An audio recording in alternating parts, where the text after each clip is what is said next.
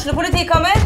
Ine Jansen er purk. Er du purk? The motherfucking bitch. Alt jeg vil, er å finne ut hva som skjedde med mannen min. Jon Carew. Er jeg sikta for noe? Iben Akeli. Det er du. Ole So, Lars Berrum og Big Daddy Karsten. Hvem sin side er du på, egentlig? Anette Hoff, Tone Danielsen, Kommer du fra Afrika? Jørnis Josef, Nesten. Kløfta. Trond Espen Seim, Det er synd å si det, men det var feil mann som døde. Purk. Premiere tirsdag på TV2 Play.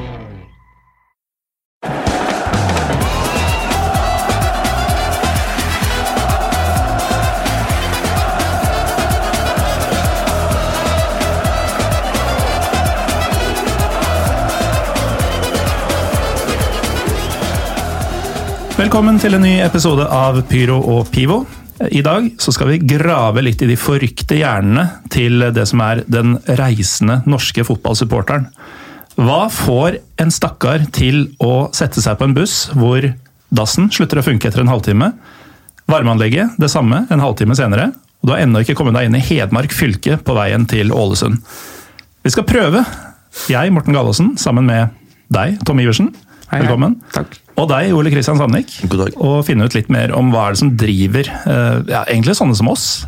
Jeg kan begynne med deg, Tom. Du, eh, du snakker sjølandsdialekt. du. Ja, altså, det må folk bare bli vant til i denne eh, episoden. Ja, eh, vi, vi, vi kødda litt om dette her på utsida fordi du eh, har jo nå ved ditt snakk avslørt eh, hvem du holder med her til lands. Ja. Og mm, du, eh, Ole Kristian, du eh, er jo Vålerenga-fan. Yes. Hvorfor i all verden har jeg invitert dere to når vi først skal ta opp norsk fotball, mens såret fortsatt er åpent og blødende og pulserende og begynner å få hår? Ja, nei, men det er jo litt sånn på dagsorden da, dette med bortekamp. Siste bortekamp, kan du si, i norsk fotball var vel på Åråsen.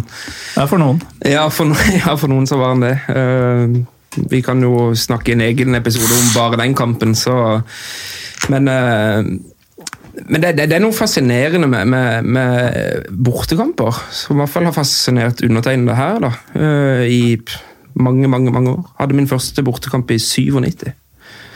Ja, og, og da snakker vi om her i Norge. Da, ja, vi snakker norsk. Jeg har selvfølgelig fulgt eh, europeiske lag på bortebane også, mm. av og til. Eh, det kan vi også touche innom, sikkert. Men, eh, men, men det å følge norsk fotball på bortebane har i hvert fall gitt meg veldig mye mer enn å følge det hjemme. Mm.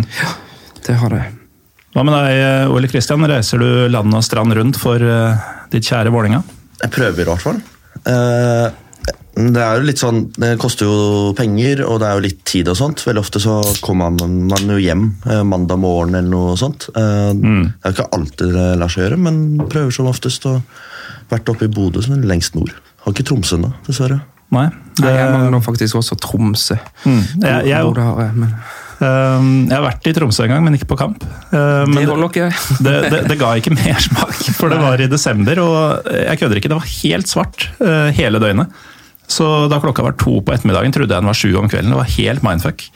Så jeg skjønner godt at de drikker der oppe. Ja, jeg tok meg selv, jeg har en liten digresjon. Jeg var ute på, i Lofoten en gang og tok meg selv å gå ut og fiske i halv fire-tida på natta. Jeg trodde det var tidlig ettermiddag, så det, det er sykt det der. Det er sykt. Men eh, vi, vi kan jo starte litt med å finne ut hvem, eh, hvem dere er, da, for ingen av dere har vært med på Pyro Pivo før. og mm, Ole Kristian, du, eh, du er jo faktisk i Norsk supporterallianse. Ja, det stemmer. Til tross for at du ikke representerer en eh, hva skal vi si, tradisjonell supporterklubb. Jeg er jo medlem i klanen, da. Men eh, nei, jeg sitter jo i styret i Norsk eh, supporterallianse. Sitter her i to år. Mm. akkurat blitt gjenvalgt for to nye, nye år. Og så er jeg jo Vålerenga-supporter og er med i Ikaros og sånt også, da. Og eh, for eventuelle nye lyttere eller folk som er tapt bak en dør. Ikaros, hva slags kultur står, står dere for? Det er ultrasgruppa i Vålerenga, så det er jo en mer aktiv supporterkultur enn det eh, vanlige supportere står for. Eh, mer bluss, eh, mer pyro ja, Pyro og bluss, ja. Men mer pyro, mer show, mer flagg, mer visuelt da, enn mm. bare sang. Åssen har det vært å mm, prøve å innføre det i en hva skal vi si, såpass engelsk grunnkultur som det har vært i Vålerengas supportermiljø? Det har vært vanskelig. Uh, ting tar tid. Det har vært uh, mye konflikter. og Det var jo siste årene på Ullevål, uh, så sto man jo forskjellige steder. Altså de alternative og klanen. Sto på forskjellige tribuner. Eh, og det, nei, ting tar tid, men nå står vi samlet, og det er jo bedre enn før. I hvert fall. Eh, Tom, du um, kommer her i Fred Perry og, um, og er jo Start-fan. Eh, det er jo en ultrasgruppe der også, men det er kanskje ikke først og fremst den kulturen du eh, er mest glad i? Nei, altså glad Jo da. eh, Eller som er din supportkultur? Nei du har rett i det. Du har helt rett i det. Jeg står nok mer for den tradisjonelle britiske tribunekulturen her. Mm. Men det betyr ikke at jeg skyr, skyr de av veien, for å si det sånn. Jeg ønsker all alternativ tribunekultur velkommen. Nå stammer jeg mer fra gamleskolen. På den tida når jeg begynte å vanke i supportermiljøet til start, så var så var, var det den britiske kulturen som gjaldt. Um, og så er man jo blitt inspirert gjennom mange år uh, gjennom britisk subkultur. Uh, selvfølgelig dratt mye over til England. Uh, klart å identifisere meg mye bedre der enn kanskje i Polen, eller whatever. Så, så, så det er helt tydelig det. Så du har jo fått et ganske sånn greit spenn i studio i dag. Men eh, altså, i hvor stor grad har dine egne turer til England for liksom, konserter og ferier og andre ting forma den du er på tribunen? Jeg hadde min første alenetur til England i år 2000. Da var jeg 18. Uh, Ei uke helt alene. Jeg tok toget litt rundt. Eh, ble kjent med folk. eh, var på veldig mye kamper og kjøpte alltid bortebillett. Alltid. Utelukkende bortebillett. Om det så var 200 fra Shrewsbury, altså det var Skulle borte. Så dette med bortesupporterkultur, det, det starta tidlig hos Ja, absolutt. Det gjorde det. Og det er sånn er det jo egentlig når, vi er over nå også, eh, gutter, altså kompiser. Så, så Det har til og med vært tilfeller hvor eh, resten av gjengen har kjøpt seg hjemmebilletter, men jeg har gått borte. jeg har ikke noe sånn kjempesterk tilhørighet til en spesifikk klubb. Jeg har mye sånn Heia bortelaget? ja, litt. Bare jeg dropper de der rosa draktene som de vel drev med oppe på Lerkendal. Men, men eh, eh, så jeg, jeg har weak spot for en del klubber, naturligvis, etter, etter å ha vært over en del år. Men, men, men nei da, det er borte som gjelder. Eh, Og det er jo litt utfordrende, spesielt i Premier League, da. Eh, For de er jo først og fremst tiltenkt sesongkortinnehavere fra, fra bortelaget. ikke sant? Så dette, mm. men nå skal det sies at det er stort sett Championship League One-matcher som i hvert fall vi prioriterer når vi er over nå. Det er det. Eh, Ole Kristian, litt sånn altså, For Toms del så har hans reising eh, ført til at han har valgt, eller identifiserer seg mer med en type supportkultur. Hvordan har det blitt eh, ultraskulturen for din del? Det er vel mye YouTube, eh, eller startet med YouTube, da. Eh, og, det, og Vålerenga var jo ganske britisk, og er inspirert av britisk kultur fortsatte. Eh, og så er det jo mye med samholdet. Du kommer borti en vennegjeng på tribunen som eh, kanskje står for litt mer eh, alternative metoder enn det klanen gjorde i sin tid. og så er det noe med samholdet når du blir kjent med de og blir dratt litt og litt mer inn i det. Blir mer og mer fascinert av ultraskulturen, eh, kanskje tysk eh, tribunkultur f.eks. Så baller jo litt og litt på seg, egentlig. Jeg tror ikke det er tilfeldig at den framveksten av trommer og flagging og sånn på norske tribuner kom omtrent til det YouTube eksploderte. Det er nok ikke det. På samme måte som at uh, veldig mange av uh, hvert fall det jeg har hørt da, uh, fra klanen, og sånt, er at veldig mange av de som uh, drev fram og sto for tribunkulturen hos oss før i tiden, var jo på turer til England, gjerne på konserter. ikke sant? Ja. Og noen kamper og sånt, og ta inspirasjon derfra. Det er jo før YouTube sin tid. Mm. er Dette er litt på sida av, av det egentlige temaet i dag, men siden vi først er i gang, det er jo litt sånn Kanskje en ting jeg savner fra gamle dager, er det at man hadde sin egen måte altså Grunnen til at klanen sang de og de sangene, eller at Start sang de og de sangene, var at noen eh, huer derfra hadde vært på den og den turen og plukka opp noe derfra. Men nå synger jo alt, alle i Europa, i verden, det samme. Altså Serpinger synger River Plate-låter og eh, Er det, er det, er det kult? Det er jo egentlig ikke det. Nei, det er jo ikke det. så er det sånn førstemann til å ta akkurat den låta før noen andre gjør det. Ja. I, i stedet for å ja, plukke med seg noe på egen hånd. Men uh, uansett, vi skal snakke om uh, bortekamper. Og um, Tom, du, um, du starta jo litt med det, men du, du foretrakk bortekamper eh, fra ung alder og gjør det fortsatt, i ikke så ung alder. Ja, og nå, nå er jeg heldig òg, for nå eh, har jeg bosted på Østlandet. Jeg har hatt det de siste ti årene. Så jeg har vel sett i gjennomsnitt én hjemmekamp de siste ti årene. ikke sant? Eh, og vært på det stort sett det som kan krype og gå av bortekamper. Mm. og så har vi jo kjørt heis i ti år de siste ti årene, så det har jo vært ekstremt mange klubber å kunne besøke. Eh, og det, er jo- altså, det er ikke dritkult å ja, hva skal jeg si, stå på Jessheim på en ja, Sorry, Morten. Nei, jeg, jeg tror deg. Eh, det er det ikke, men du gjør det jo. Og så stort sett så vinner du òg, da. Så det, men det, det blir litt sånn ut på tur på en litt annen måte enn det du kanskje ønsker, da. Og nå Folk sier at ah, det blir kult å rykke ned til Obo. Eller ikke, sant, ikke kult, men at det er noen nye stadioner og sånn. Men når du gjør det tre-fire ganger på ti år, så er det ikke fett, altså. Det er ikke det. Men, eh, men, eh, men du har mye å glede til det. Det er jo ekstremt eh, mange kronekamper. Det kommer til å være billig å være Lillesund-supporter på bortebane neste år, tror jeg. Eller neste sesong. Start i år var det fire av bortekampene som var sånn kronekamp. Hvor det var sånn én krone for å komme inn. For det er jo den store happeninga til det laget ikke sant? Som har Start på besøk. Jeg tror det var både på Hamar, Raufoss ja, ja, noe sånt. I hvert fall, hvert fall Hamar og Raufoss, hvor det var ja, gratis å komme inn. da. Ja, Akkurat den, eh, den har ikke Lillestrøm sett noe til foreløpig. Det er fullpris på Hamar. Uten at det, Ja, ikke sant? Jeg skal der i første, ja. Stemmer uten at det. det har stoppa oss. Vi, vi spurte jo um, Twitter før i dag om uh, hva, hva de syns er det beste og verste med å dra på bortekamper. og Da er det en LSK-supporter som heter Mats Kjellflåt. Som sier at uh, det beste er å komme 1400 pluss på bortetribunen og ta over stadion og byen.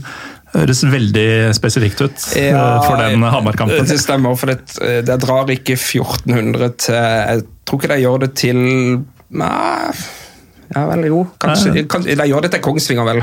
Hamar eh, blir det jo sånn, men jeg, har vanskelig for å se meg 1400 Lillestrøm-supportere på Gjøvik og på Jessheim. Og, Levermyr, Jerv. Ja, ja, det fins et sted som heter det. Det ja. helt riktig. Faen, hva er det vi har? Ah, Rota oss borti. Ja, så får dere Grorud, da. Der får jo noen sånne, der får jo noen sånne som egentlig er litt artig, da. Dere har vel vært på Grorud før, om ikke jeg tar helt feil? Ja, fikk besøk av noen Vålerenga-folk midt under kampen. Og, Stemmer. eh, men da tror jeg Lillestrøm vant, faktisk. Ja. Så hvis historien er, eh, er en faktor, så er det noen som får juling på tribunen, og Lillestrøm tar tre poeng derfra. Så det er verdt det for min del. Så lenge det ikke er sånn. Det får jo ikke Brann, der får Åsane. Men vi kan godt slutte nå, Morten. Hvis- Ja, takk. takk, takk. Jeg gjerne fortsett. Hva, hva er det som er, eh, er så fascinerende med borteturer for deg, Ole Kristian? Det må være samholdet. Eh, historiene du får. Eh, den kalde det guttastemningen eh, på bussen og sånt.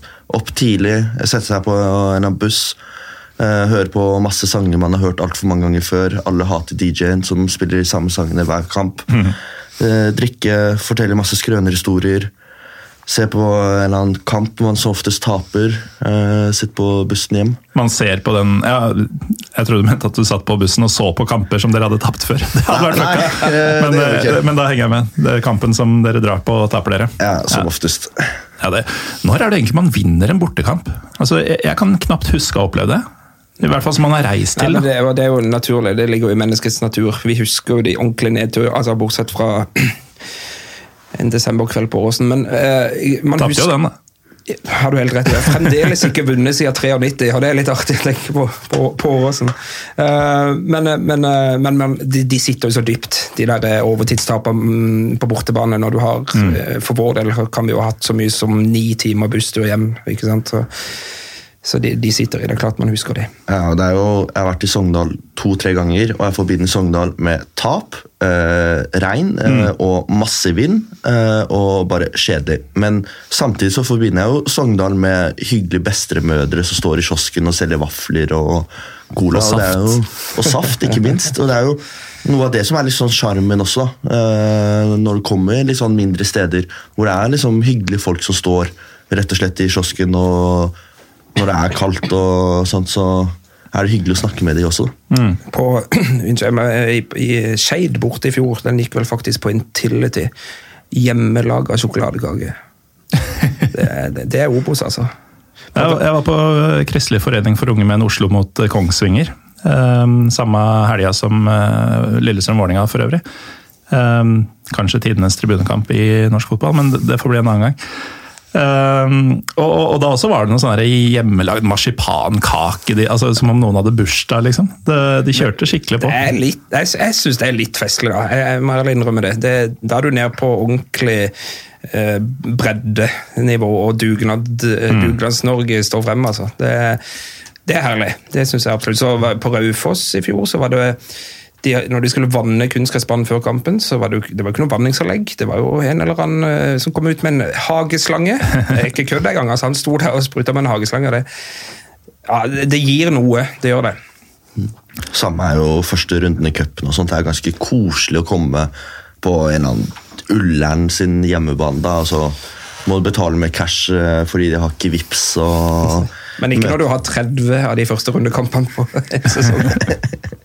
Jeg vet ikke hvordan det er. Nei, Nei det, det, er jo for det første bare 15 ja, bortekamper. Og så um, er jo siden fire-fem av lagene i første divisjon har jeg jo hørt om. Ja. Så det blir jo da kanskje ca. ti førsterundekamper i cupen, og så er resten sånn tredjerundekamper. Hører du at jeg prøver å legge den død, men jeg får det ikke helt til. Nei, men uh, jeg biter jo på. Ja, da du gjør det. Du får bare stoppe med. Men eh, ja, altså, samholdet og, og, og, de felles opplevelsene, sier du Ole Kristian. Hva, hva, er greia med bortekamp for deg, eh, Tom? Uh, greia for meg uh, det... du, du, har jo vært på flere borte enn hjemme med Start i mange år nå, ja, sier du? Ja, det, det har jeg. og, og, og, da er det ikke sånn at det er geografien hele tida? Altså, du reiser jo langt for en del av disse bortekampene, gjerne ja, lenger enn Absolutt. til Kristiansand? Ja, ja, det gjør jeg. Uh, og ettersom man har blitt eldre og har fått familie, og alt sånt, så er det jo også en flukt. Det er det ikke noe tvil om. Hei. ja, hjemme. Neida, men uh, det som egentlig på en måte som, eh, Du snakker om guttastemning her og sånn her. Uh, jo da, og det virker som at dere ser på noen tidligere kamper og litt sånne ting. Jeg vet ikke hvordan busser... Ja, det, det var en misforståelse. Ja, okay. men, men, men, vi Veldig mange av chantsene, altså supportersangene, blir lagd på de turene her. Mm.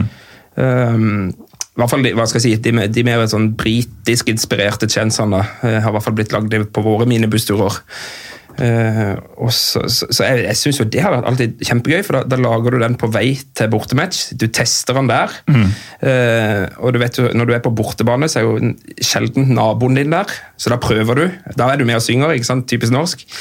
Ingen skal si at jeg synger på en fotballkamp. ikke sant? Så det, uh, du møter noen, du bryter noen barrierer da på en bortekamp mm. som får deg til å teste ut en del nye ting rett og slett. Men akkurat disse tankene vel, um, har vel sammenheng med din uh, hva skal vi si, anglofili? For der er det jo en kjensgjerning at uh, på Premier League-kamper til og med, så er jo Eh, bortesupporten så å si alltid bedre enn hjemmesupporten. Ja, nå, nesten nå, uavhengig av hvem som spiller. Ja, nå fordi... er det flere grunner til det, Morten. På grunn av altså, turismen som tar hjemmesupporterne sine plasser, naturligvis. Ja, spiller jo inn her. Men... Selvfølgelig, men, men, også det at uh, du har da altså, De mer dedikerte er jo de som drar på bortekamp. Ja. Det gjelder både her og der og overalt. Absolutt. Eh, men også det at det er ikke noe å være redd for. Nei. Det er ikke noen fra nabolaget som sitter ved siden av og syns du er idiot. Ja, og så går det jo så langt som at du tror jo at du har du, litt sånn Du kan jo bryte loven òg, altså. det kan jo jeg skrive under på. Men, men, men, men at ja, det blir litt sånn anarkistisk, da, hele greia. Mm. Å være bortesupporter. Eh, du slipper deg litt løs, rett og slett. Det er litt sånn eh, det som han ene skrev i tweeten her, om å, å ta over en by. Altså, eh, man trenger ikke å være mange engang for å føle at man gjør det. Når man bare velter ut av den bussen midt i sentrum på en eh, norsk småby. og akkurat passer brisen til å begynne å rope litt ja, og klistre opp noen merker på første lyktestolpe. Um, da vi var i Kristiansand noen dager før dommedag, så øh, fløy det jo både røykbomber og diverse gjennom lufta da vi skulle på bussen igjen etter, øh, etter å ha vært på pub øh, før kampen.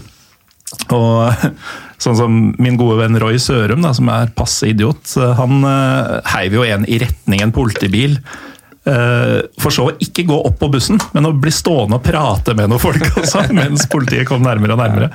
Eh, helt til noen eh, gikk og henta han, rett og slett. Og jeg husker vi hadde en tur til var det, jeg lurer på om det var, det var Østfold, jeg lurer på om det var Sarpsborg eller noe. og Det gikk i sånn corteo, er det det de kaller det? Sånn ned til stadion fra pub. Sarpsborg by er jo ikke Det koker ikke. Det er mye eldre som er der banker der på en søndag ettermiddag. Så når vi gikk nedover gata, så eh, observerte mange eldre som på en måte bare fant den første butikken, og bare, som var søndagsåpen. da, Bare gikk inn der. Da fikk man litt den følelsen av bare ta over i hovedgata eller kjøpegata. da. Eh, Rart. Men det, det er jo, altså, De aller fleste fotballsupportere er jo til tross for mye hatsanger og sånn ganske fredelige folk sånn i hverdagen. Så for oss er det kanskje det nærmeste man kommer en krig og, og liksom en invasjon. Det å føle at man annekterer noe og sånn. Uh, nå, nå smiler du fælt, Ole Kristian. Ja, kjenner meg litt igjen. Men, uh, ja, det er noe med det derre Hverdagen blir borte, liksom. da. Du bare, det er en helt annen livsstil, på en måte. Uh, uten at man trenger å være noe eh, stor pøbel eller noe sånt. Så det er gøy. Rett og slett gøy. Og, um, og litt anarkistisk. eh, Ja, og så er jo ofte, ofte er jo også det gøyeste det er jo turen til bortekampen. Eh, I hvert fall hvis det er sånn variable sportslige resultater, så er jo ikke ikke alltid kampen kjempegøy. Eh, så, så du gleder deg jo noen dager før du drar, så drar du, og så er kampen, så er den for jævlig, og så er hjemturen enda jævlig. Så det er jo, det er jo den turen opp til den byen du skal, som er liksom hele høydepunktet. da. Ja, Turen hjem er stort sett jævlig. Du har akkurat uh, gjerne tapt. I hvert fall hvis du er på Vestlandet. Det har regnet, du er klissbløt. Noen har lyst til å sove.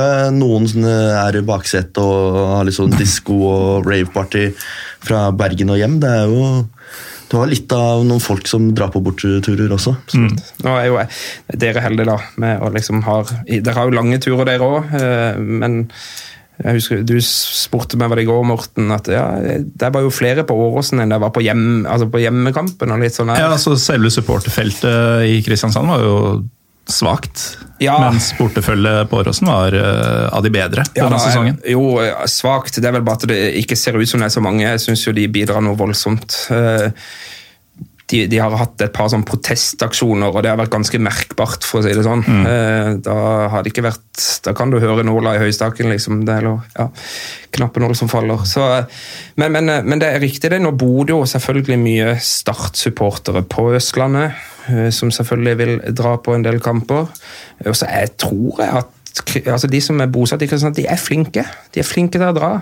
Eh, dra til Trondheim. Cup-semi her i 2018. Da kan vi ha vært 300-400 i hvert fall på Lerkendal på en onsdag kveld. Vi var ræva i ligaen, men vi var i en cupsemi. Nå er jo det også litt spesielt da for vår del. Så, så eh, det må jeg si. Jeg, nå er det jo litt subjektivt, naturligvis, men, men jeg tror Kristiansand generelt er flinke da, til å følge Start borte, også fra Kristiansand. Ja, men det var jo også det um, Altså denne um, Away Days Nord-kontoen som finnes på, på Instagram og Twitter vel nå. Um, skrøt jo veldig av Starts bortefølge også i uh, hva blir det, 2018-sesongen. Um, og, og, så det, det er jo noe i det, Tom, at uh, Start-folka har reist mye i Det var ikke et blaff på Åråsen, det var ikke et blaff på Lerkendal det året. Det, Nei, det- det er uh, mye startfolk på Absolutt. bortekamper. Jeg tror det som var spesielt i 2018, var at det skjedde veldig mye før sesongen der med logo og alt dette her. Eh, og det var, ble litt sånn gi faen-holdning. Altså, vi skal i hvert fall eh, jeg, jeg tror mange var der for å eh, ikke nødvendigvis være stolt av klubben, på en måte, men at de var der f som en slags motreaksjon. At det, det vekka noe i folk, rett og slett. Ja, Vi sa at dere kan ikke kødde til uh, mitt forhold til eh, Start. Start. Start var, etter min mening, ja, topp tre av bortfølgende på Vålerenga stadion i 2018 også. Ja, Da ble det litt mobilisering i år, kan jeg minnes. Men, men det er riktig, det. Da var jeg tror vi var over 500 faktisk på, på Intility. Og det er jo noe med det, når En harde kjerne er jo stort sett de som drar på borteturer. Og det er nok noe med det at du bare er den harde kjerne, at du ikke får inn masse barnefamilier og sånt på bussen. Kan jo være en motivator, det også. da. Uh, som er, så er det jo gøy når det er vel Fredrikstad som sendte var det 50 busser eller noe sånt til Ullevål. Ja, de har vært over 30 busser flere ganger. Og, Ja, men Det er imponerende når de får med seg barnefamilier. og sånt, så Jeg regner med at dere på Hamar ikke bare er Men stemmer, stemmer det ikke at det var sånn fem stykker i hver av de bussene, og sånn, som det alltid har? Bare, liksom, ja, vi er 80 busser, i sist kamp var vi 70, og så det, viste det seg bare å være Er det, er det bare jeg som har fått det? Jeg har hørt tallet 50. Det er eneste ja, Ja, riktig. ja, jeg husker bare at de telte busser. Jeg telte Ja. aldri antallet som kom ut Nei, av de for det hadde vært interessant å se. Nei, da, men Fredrikstad har vel alltid vært flinke til å komme mange på bortekamp, men eh, Du ser jo det nede i ja, andre tredjedivisjon eller hvor de er også, så er det jo mange De fyller jo stadionene innimellom eh, på noen kamper også. Så Ja, jeg mener de hadde en sånn satsingstur òg i fjor, om ikke jeg tar helt feil, til sånn ganske langt opp i Gok, og selvfølgelig tapte. Det må være ufattelig kjipt, altså. Det er drøy tur hjem. Men eh, apropos, eh, det var vel du Ole Kristian som nevnte i stad det at eh, det, det å dra og, og se kampen som man stort sett taper. altså Jeg har jo blitt sitert på klan.no ganske nylig, da jeg sa at det verste med å holde med et fotballag er å se dem spille. Og uh, at C14son, uh, hvordan man nå uttaler det på Twitter, han uh, mener det verste med en bortetur er fra kampen begynner til man er hjemme. Og det er, det er jo sant. altså Kampen taper man stort sett. Og hjemturen Du har brukt opp alt kruttet på veien opp, og det som var igjen, har du brukt på stadion. Ehm, likevel så prøver du å feste litt hvis du er av den typen, eller så prøver du å slappe av, men det går jo ikke pga. de som prøver å feste. Um, Dassen har gått til helvete, varmeanlegget funker ikke. Av en eller annen grunn er det flere på bussen nå enn det var på vei opp, så du har mista dobbeltsetet ditt. Eh, og så går det to uker, og så gjør man det igjen. Hvorfor? Var det så fett på vei opp? ja. Ja. Stort sett så er det det. Så er det noen, jeg tror også Innimellom så er det denne banehoppelista, da, mm. som vi ikke har vært innom. som er Mange samler jo på å være på flest mulig ulike baner hvor man følger laget sitt. og Noen prøver jo å være på hver eneste kamp og få 30 kamper i serien pluss ja, én eller to kamper i cupen, avhengig av hvilket lag man holder med. også. Det er noe med det, men det er jo samholdet, det er, og det blir en vane etter hvert også. Eh, De færreste drar hver eneste bortkamp. Man misser én kamp en gang iblant, men det er jo en vane å dra på kamp også. Mm. Og det viser jo litt mentalitet. Gjør det. At øh, mange av disse folka de setter jo den generelle kalenderen sin først etter at uh, kampdatoer og kamptidspunkter er satt. Fordi det å gå glipp av Sogndal borte eller Glimt borte, det er, det er liksom ikke et alternativ. Eh, det kunne ikke falt dem inn engang. Men Tom, for din del, altså du, øh, du har blitt en etablert mann og bor på Østlandet. Blir det mye flyturer på bortekamp, eller er det komme sammen med kompiser i en minivan eller buss og kjøre som i gamle dager? Ja, for, Først og fremst må jeg si at jeg er ikke noe glad i å fly. Eh, men, men jo da, jeg har nå flydd eh, Men i eh, Bodø, naturligvis, der ble det fly. Eh, Og Kristiansund vurderes nå. Vi har de første serierunde, da må det flys. Eh, Jeg mangler den, så jeg har veldig lyst til å Rart. Jeg har veldig lyst til å se kamp i Kristiansund. Det er rart å si. Men, men eh, Kan, kan jeg spørre om noe helt uh, idiotisk? Ja. Folk fra Kristiansand, uh, har de noe forhold til byen som heter Kristiansund? Altså At det er én bokstav forskjell, blir det noe rivaleri mellom byene? Nei. Og så har du alltid den der Kristiansund N og Kristiansand S, som alltid sto på postkort og sånn før. For det Postverket hadde, vel, hadde noen utfordringer der, tror jeg. Men, Slovenia og Slovakia har jo en dag hvor de utveksler all post som har blitt sendt til feil land. ah, såpass, ja. Yes. ja. Nei, det, vet du hva, Morten, det, har jeg, det vet jeg for lite om. Eh, har, Det at det heter Kristiansund har ikke noe å si jeg har aldri hatt Hva tenker jeg på med Kristiansund? Vet ikke. Hvem er? Solskjær? Jeg altså, det, for Kristiansund er ingenting for meg. Nei, det, det er ingenting. Nei. Det er, det- det er jo sånn- det er jo sånn- en passe stor Ja. norsk by, egentlig. Er det ikke? Kvasiløsning av Molde og Trondheim. Sånn hybrid. Jeg vet ikke. Ja, men til og med dialekta. Ja, jeg har hørt folk fra Kristiansund og trodd jeg har hørt på trøndere. Nettopp. Eh, Og så blir de dritforbanna når jeg sier at de er trøndere. Og I hvert fall hvis du spør om de er moldensere. Eller. Men eh, jeg har ikke vært i Kristiansund sjøl, verken på kamp eller ellers. Men eh, jeg har hørt gode ting om det. Altså, det er jo også litt sånn, eh, Vi prata litt om disse hyggelige bestemødrene til Sogndal og sånn. Eh, Men at det er god stemning å komme dit. Eh, Det er kanskje fortsatt litt novelty factor å få store mengder bortefans, i den grad du får plass til store mengder Var bortefans. ikke godset ganske mange der i fjor, på en av de siste avgjørende. Mm. og det, det er jo det jeg syns er fint med norsk bortekultur, hvis jeg bare kan si litt om det. det, eh, det er litt, sånn- jeg tror det er litt underkommunisert, de avstandene vi har her. Eh, for, for at f.eks. Drammen da drar opp jeg vet ikke, 200 mann til Kristiansund. Det er, er det ti timer, eller? Det er fort, det. Eh, Hvilke andre land i eh, Europa har de distansene, liksom?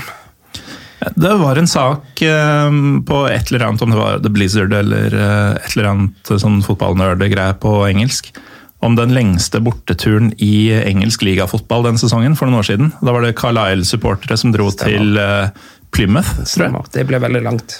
Men vi snakker, Ja. altså det er ni timer én vei, da. Ja, ikke sant? Så, det er jo ikke noe- så, det er jo ikke, det er ikke Hamar til Bryne, liksom. Nei, det er Drammen til Kristiansund, da, cirka. Ikke sant? Ja, Kanskje til og med Oslo-Kristiansund Ja. eller eh, Noe der omkring, ja. Mm, Absolutt. Så, så vi har jo enorme avstander, faktisk. Og dette er jo eh, de kampene som man tenker er humane å dra på. Eh, så har man da Bodø og Tromsø for eh, alle som ikke er fra Bodø eller se Tromsø. Danmark, da. Den lengste borteturen der er tre timer. Det er FCK Aalborg. Altså sånn, i, i hvert fall i Superligaen. Det er ja, drøye tre timer. Og nå er jeg ikke veldig inne i dansk eh, Jeg har ikke sett mye tribuner i Danmark. Jeg vet ikke hvor mye bortefans det går rundt, men altså du har, du har ganske sånn store byer innenfor et kvarter, ikke sant. Eh, Men det kommer vel neppe mer enn en 300-400, kanskje, maks. Syns jeg er rart. Jeg er også eh, litt opp i året etter hvert. Eh, Du, du er antagelig den yngste her, Ole Kristian, uten at vi skal de debattere åssen folk ser ut og sånn. Men eh, jeg, jeg har jo kommet dit at eh, jeg er ganske takknemlig for at når man først skal på en sånn lang tur, at Norge ser ut som det gjør. Eh, Jeg syns det er dritfett at man kjører gjennom det landskapet man gjør på vei til Molde, på vei til Bergen, eh, på vei til Stavanger for den saks skyld, når du kjører langs kysten der og sånn. Eh, Og sånn sett så er det jo bedre å sitte ti timer i en buss, tenker jeg, fra Oslo til Stavanger, enn om man skulle hatt eh, liksom en haug med seks timers turer, da. eh, Som alle gikk på autobahn gjennom, ja, gjennom ingenting. Gjennom Tyskland, eksempel, ja. Mm. Nei, jeg, der er, jeg støtter jeg deg helt. Nå er jeg ikke sånn veldig sånn naturbegeistra person, men, men jeg kan se den. Jeg har ikke Sogndal mangler jeg òg, når vi er inne på det. Den står høyt oppe. Han gjør det. Nå sier du du har vært der to ganger. Eh, Fin, fin tur herifra, det, er det ikke det? Det er en veldig fin tur. Ja. Eh, Så er det jo ferger, og da får du jo noen, noen sveler og, Ja, og sånt sant. også. Mm. Men jeg merker jo Jeg har tenkt på akkurat det med natur på noen bortkamper til Vestlandet og sånt. og det er jo sånn jeg blir litt stolt innimellom av å være norsk, når man eh, ser liksom disse fjellene og eh, ser fossefallene og den vakre naturen. Ja, Det er sterkt å ta inn, den, ta inn de følelsene på en sånn tur, men ja. Jo, altså det, det er jo så banalt som at man eh, stopper og tar en sånn felles pissepause for to busser, altså 50 personer som står på rekke og strør ned i Rauma, eller hva den heter, den elva der oppe, i skyggen av trollveggen. Eh, Det er jo absurde greier, egentlig. Jeg husker jeg lurer på det er 15 år siden men da stoppa vi altså vi stoppa midt ut på E18 vi, mellom Kristiansand og Oslo. 18 mann ut av minibussen, lina opp. Livsfarlig. vi ja, det blir Men det er, jeg har hørt noen historier om eh, Jeg husker ikke hvilken klubb det er. eh, Jeg har ikke vært med på det selv, i hvert fall. Kan ha vært Vålerenga, som stoppa i denne lange tunnelen på vei til Bergen eh, for å ta et gruppebilde. Hvor det, I tunnelen hvor det er sånn fint lys og hele pakka. Nå husker jeg ikke navnet på den tunnelen. da. Nei, men det er jo tusenvis av dem på vei til Bergen. Ja. Men det er mye ganske rart som idiotisk. foregår, eh, rett og slett. Men man mister jo litt tilbake til det. litt sånn, Man mister litt temninger når man er på dette her. Altså, Når jeg må pisse når jeg kjører bilen, og så stopper ikke jeg bare i veikanten på, i 110-sona. Jeg gjør ikke det. Nei, det var, jeg husker det var, Vi hadde vel serieåpning, eller første seriekamp i 2013 var i Bergen. Eh, og Så var det en av disse tunnelene som var stengt pga. angivelig noe steinras. eller noe sånt inni der. Og det var noen av gutta som gikk inn i tunnelen for å sjekke. liksom, Vi har ikke tid til å stå og vente, så de gikk inn for å sjekke om det var noe steinras. da. Og de mente at det ikke var noe steiner i veibanen, så de sa til bussjåføren eh, jeg kan bare kjøre gjennom her for deg. Du mister ikke lappen, det er jeg som gjør det. liksom. Jeg tror ikke det funker sånn. Altså. Det- Det funket ikke, eh, det skjedde ikke, men eh, folk var desperate til å komme til kampen. Og så Vi rakk vel kampstart med ett minutt eller noe sånt. Men det er mye rart som foregår på bort bortkamper som du ikke får hvis du tar T-banen eller Bybanen i Bergen eller, en klart buss. liksom. Hadde jo, um, Lillestrøm var jo, var, det- om det var på 16. mai i fjor, um, borte mot Mjøndalen. Og pga. to trafikkuhell på E18 så ble jo uh, alle vi som skulle dra og se kampen, uh, men også laget, Stemmer kraftig forsinka. Så verken klubben eller supporterne rakk jo avspark. Det ble heldigvis utsatt en stund. Men, eh, så, så det var et lag på banen da Mjøndalen begynte å spille, selv om det ikke så sånn ut i første gang. Du vet, Fra Kristiansand så har vi ofte kjørt til Horten og tatt den der Bastefosen eller hva den heter, over. I hvert fall når vi skal til Fredrikstad og Moss. Og Jeg tror ikke den heter Bastefosen. Bastøyferja. Ja, men jeg tror det ja, Gjerne arrester meg, men ja, samme det. Båten var vel mellom Horten og Moss. Um, og det var vel her eh, var det i 05, når vi var ganske gode, kom vi og en minibuss. Og da sto Delta-troppen og venta på oss på andre sida av kaia. Det var ganske drøyt syn. Du så de bare hadde lina opp der. Det var i, i den spede begynnelse til den alternative kulturen i Norge, vel. Mm. På, skal sies på hjemturen da, så hadde vi bestilt eh, kasse med pils stående og vente på oss på kaia på vei tilbake igjen. Det er, sånne, det er noen sånne historier da, som, som er ganske gøye da, å, å dra med seg videre inn i, i livet. Eh, Det er, det er jo generelt kult på de turene du må kjøre litt båt. Eh, Jeg husker eh, om det var 2000, tror jeg, 2010, mener jeg. Så lå Lillestrøm under 3-0 i Molde eh, da vi passerte 89 minutter. Og dro derfra med 3-3. Stemmer. Eh, aldri så liten voldtekt av Molde i sluttminuttene der. Og da, på første ferja, så vi var jo fortsatt helt altså Det var jo ingen som var tilregnelige på det tidspunktet, selv om vi hadde kjørt litt. Eh, Så da var, var vi en kongalinje, alle i baris, som eh, den der kafégreia den hadde to dører fra dekk. Du kunne gå inn den ene, og så kunne du komme gjennom og ut den andre. Vi kjørte den linja rundt i baris eh, med en eller annen sånn idiotisk eh, sang vi hadde funnet på på turen. Eh, Konstant på hele den ferjeturen. Det var så vidt vi ikke holdt igjen trafikken ut av igjen, nei, ut av båten igjen, fordi folk hadde ikke kommet seg på bussen ennå. Jeg har Bryne borte i år 2000. Ja, Dette er veldig sært. Men Fredrik Strømstad var jo en ivrig Tidligere startspiller Fredrik Strømstad var jo en ivrig bortesupporter med start i sine eh, yngre dager. Han kjørte jo eh, noen raketter rett i taket, blikktaket på Bryne stadion. Og Det er sånn utrolig kult når han et par år etterpå liksom herjer mot Italia. Fredrik Strømstad gjorde det. Ja, ja, det er fantastisk. Den er fin. Helt nydelig. Legende. Men her er jo sånne historier hvor du Du vil jo ikke gå glipp av det. Og det er jo derfor mange drar på kamper, for du er sånn eh, redd for å gå glipp av historiene og gode opplevelsene og sånt. Og for egen del så er det jo veldig ofte overnattingsturene som er de beste turene. Om det er Bodø-Glimt i 2015 hvor vi var en vet ikke jeg, 20-30 alternative folk, eller noe sånt, eller om det er i Trondheim som stort sett er overnattingstur, f.eks., så er jo det er overnatting som er morsomst for egen del. Ja, vi er jo tilbake til hemninger igjen, da, ikke sant? for da vet du at da, da venter ikke den der sure bussturen sånn riktig ennå. Så Eller den sure kona. Og best er jo hvis det er lørdagskamp, fordi da flyr opp eller til Bodø, flyr opp på lørdag, drar på kamp, eh, ser laget tape, selvfølgelig, og så går du ut og slukker dine sorger. eh, Og så har du en dag til å komme deg på før du må på skole, jobb, studier osv. Og, og det er mye bedre enn å komme hjem til Oslo halv seks om morgenen eh, mandag morgen fra Bergen, hvor du har tapt og Da er man groggy. ass. Rekker så vidt hjem for å dusje før du skal på jobb. Oi, oi. Ja, den er lei. Ja, den er seig. Men eh, vi, har, vi har nevnt et par steder flere ganger som, eh, som vi har snakka litt sånn halvvarmt om å dra til. Men eh, jeg tenkte vi kunne prøve å lage litt sånn topp- og bunnliste. Og da er det jo litt opp til hver enkelt hva slags kriterier man ser etter. Da. Eh, det kan være at selve overfarta er forferdelig eller kul. Det kan være at vaktene er drittsekker eller kjempeålreite. Eh, Lokalpolitiet er det jo svingninger mellom eh, ofte. Eh, pubene man kan dra på, hvor velkommen man er i byen, eh, osv. Eventuelt om det er et sted man har sjanse til å vinne, da, som vel gjelder de færreste av oss. Skal vi begynne med topp eller bunn? Bunn. Bunn. Eller nei, gøyest Jo, jeg, jeg vet ikke. Your call. Nå, vi, har, vi har vært veldig positive så langt, da, så vi kan jo slenge Men jeg litt syns det er fint å avslutte positivt, hvis du skjønner hva jeg mener. Ja. Hvis vi, ja. Men det er jo positivt å nevne en, et bunnsted òg, på en måte, for det er litt artig. Men eh, nei, det får bare velge. Ok, um, Ole Kristian, hva er det verste stedet å dra på bortekamp i Norge? Du, du spurte meg om det i går, så har jeg drevet og tenkt litt. og jeg synes det er veldig vanskelig, fordi sånn som Stabæk er en veldig fin bortetur for egen del. Du tar T-banen, og så går du i fem minutter, så er du på stadion. Men du ser jo ikke halvparten av det som skjer på banen, f.eks. Så det er en jævlig kjip kamp å være på. Eh, Åråsen er jo det er derby, det er jo faktisk tribunekamp. eh, og det er jævlig fett, men politiet er stort sett helt jævlig å ha med å gjøre. Vakter er stort sett jævlig med å ha med å gjøre, og sånt, og du må kjøre en sånn mega-omvei for å komme til Lillestrøm. Eh, så det er jo dritt, det også.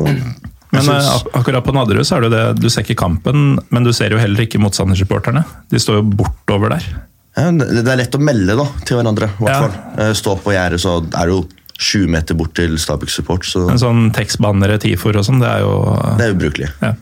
Uh, Ja, Det er vel bare Fiffen på hovedtribunen som ser den.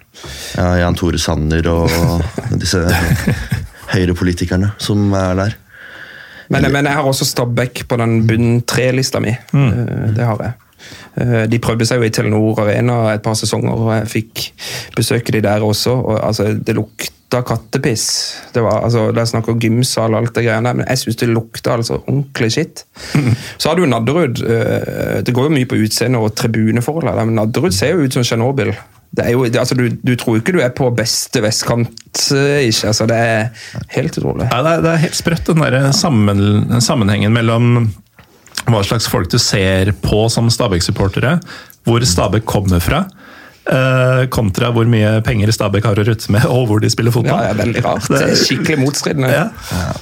Eh, Trym Hogner, som har vært mye med i Pyro Pivo, han eh, omtalte en gang Kjenner dere til Maksimir stadion i eh, Zagreb? Ja, Zagreb, ja, stemmer. Nasjonalstadion i Kroatia. Det, det ser jo ikke ut i måneskinn. Eh, han mente at det eh, Maksimir eh, ser ut som kjærlighetsbarnet til Nadderud eh, stadion og en oljeplattform.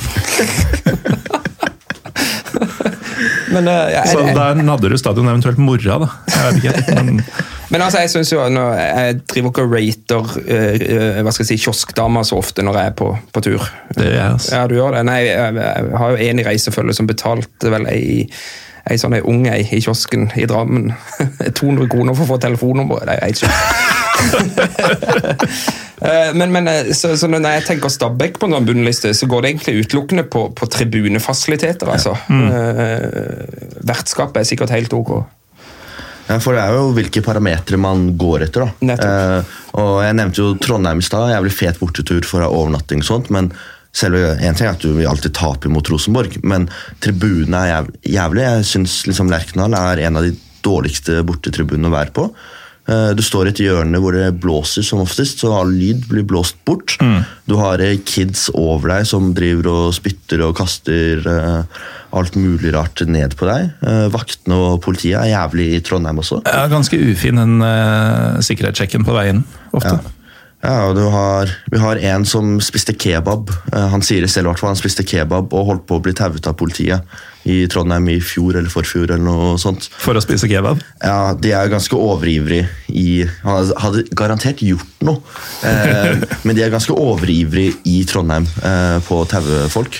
Eh, det merker i hvert fall vi. Tror, så er det jo veldig stor forskjell på å være Vålerenga når du kommer til eh, Trondheim, og det å være Sarpsborg 08 som bortesupporter og kom til Trondheim også. Det tror jeg absolutt. Eh, jeg tror det er veldig mange i i politiet som gleder seg til når Vålerenga, Lillestrøm, eh, Brann kommer til det lokale stedet ditt. hvor de Ja. kan For være å flekse litt. Ja, Det var vel noen episoder på Lerkendal i fjor, var det ikke det? Hvor si- noe sivilpolitikk inn på egen tribune og begynte å Ja, det går på sine egne hånd. Ja. Nei, altså, det- Lerkendal er, ikke på en bunnliste for meg. han er ikke det. Jeg har vært der et par ganger, og vi har faktisk hatt ganske ålreite resultater der oppe. Så det har vært sånn, Selv om vi tapte den siste da i cupen der. Men det mest provoserende da var vel at vi var 400, og det var 3000 totalt på Lerkendal i en cupsemi. Eh, Og vi gikk ned på torget etterpå, ned til byen. Det var helt dødt. Altså, det, det blir litt sånn her eh, ja, det, er noen forskjeller der i forhold til hvor godt vant man er. da. Eh, Hadde du snudd rundt på det, og vi hadde vunnet hjemmekamp mot Rosenborg i cupsemien, så skal jeg jo love deg at det hadde vært Men gjør det noe for deg og opplevelsen av kampen når du forventer en fullsatt uh, stadion, og så er det ingen som er på Vet du stadion? hva, Når jeg er på bortekamp, så driter jeg i hvor mange hjemmesupportere. Jeg er mer opptatt av antallet vi bringer, rett og slett. Eh, Det er det jeg lar meg begeistre og imponere av. Jeg er enig i at det er eh, det klart viktigste, men eh, det gjør også noe med altså Det går en større faen i meg hvis det er 10 000 moldensere enn om det er tre. Å vinne på overtid eh, med fullsatt stadion på, som borte, absolutt, selvfølgelig. Mm. Jeg skal, såpass nyansert kan det være. Men, men, men, men det er ikke det viktigste er at vi er mange. Det er alltid gøy å se hvor mange ble vi da, faktisk. Mm. Jeg var imponert. Det var mange. Jeg husker vi tenkte det mot Vålerenga i 18. Jøss. Jeg sto relativt langt nede og kikka opp. Jøss, det er jo nesten fullt. Det er artig. Vi hadde også vært 3000 vel i VG-svingen òg i, i glansdagene for en 15 år siden. Så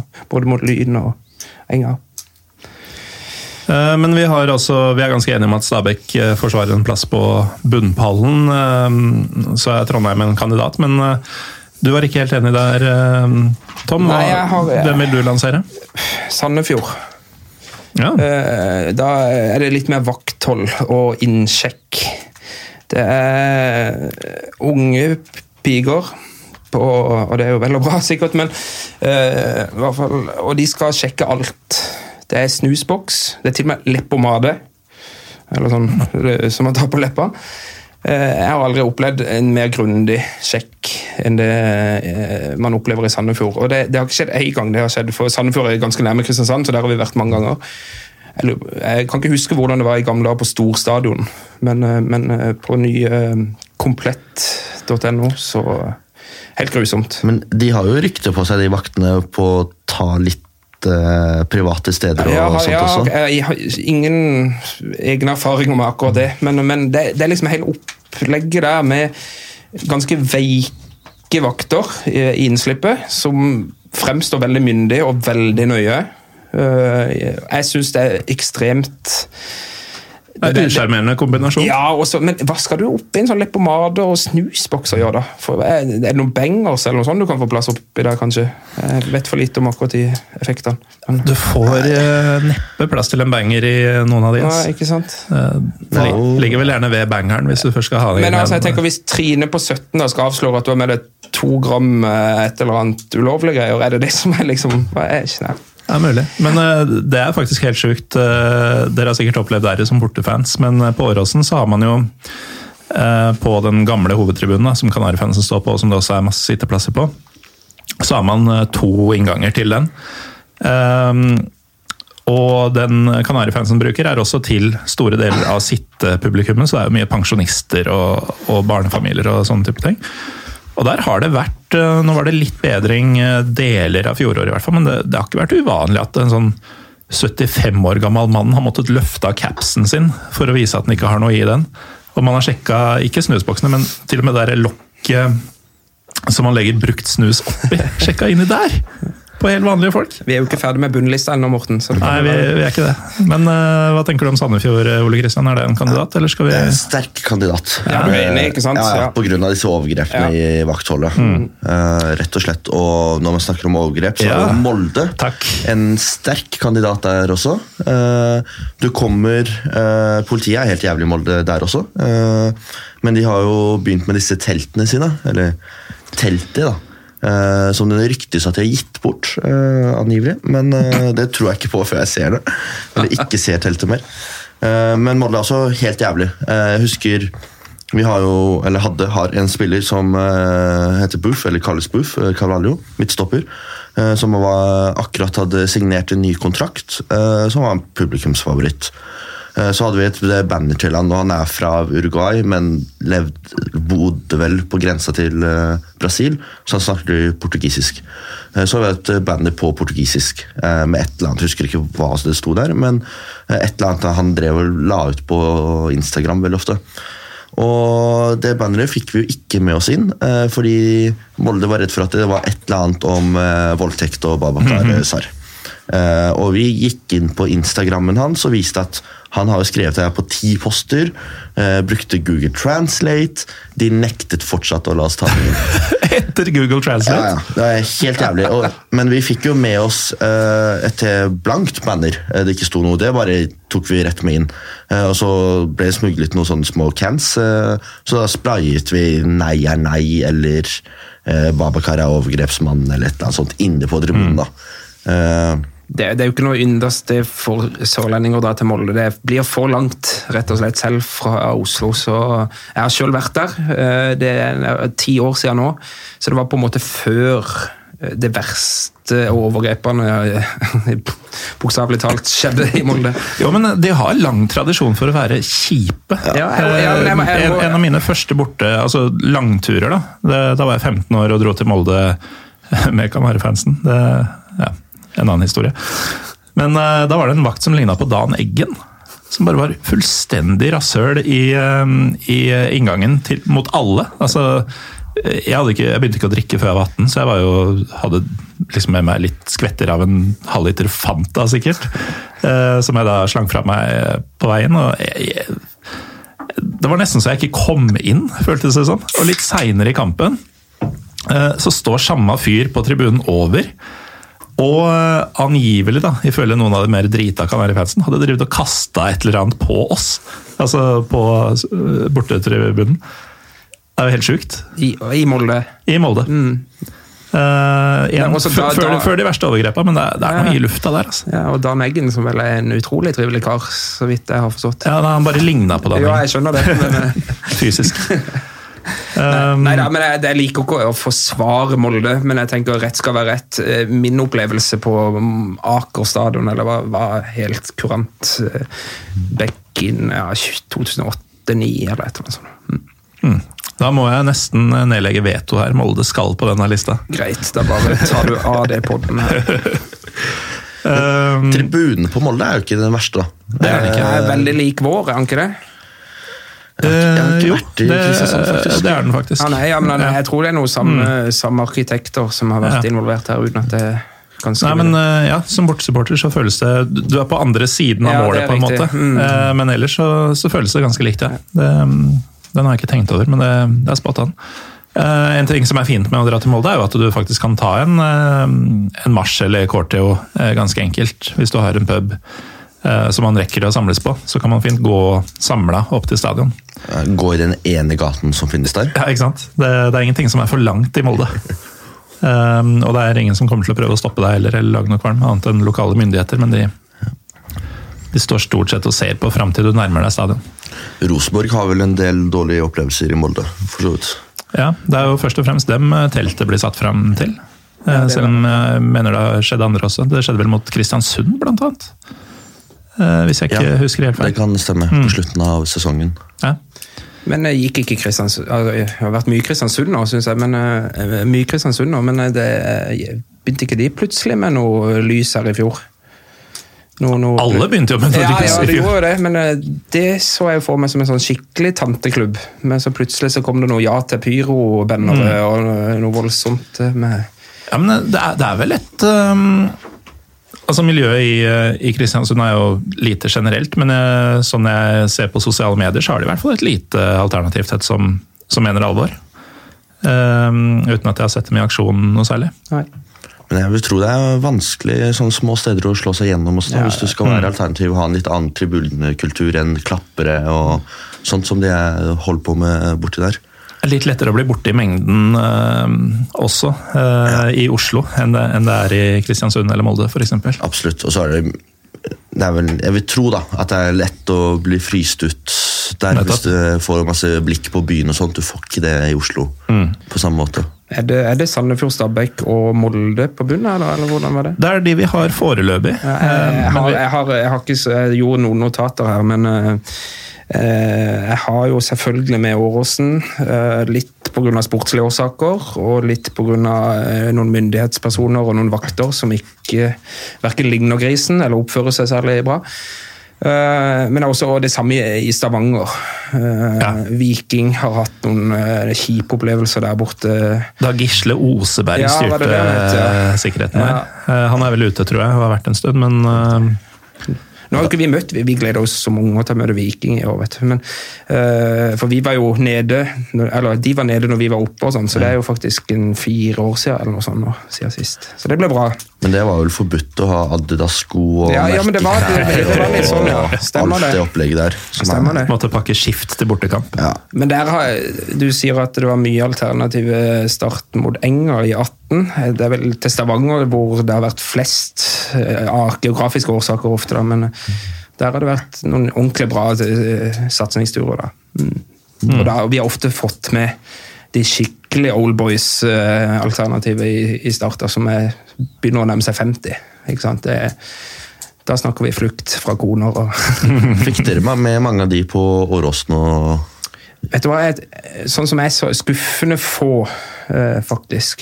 Eh, I hvert fall som jeg så, jeg kan ikke sk sk- skrive det i stein, men, eh, men det, det, det er litt tidspunkt. Ja. Det er onsdag, og det er rett før jul, og det er syv minusgrader.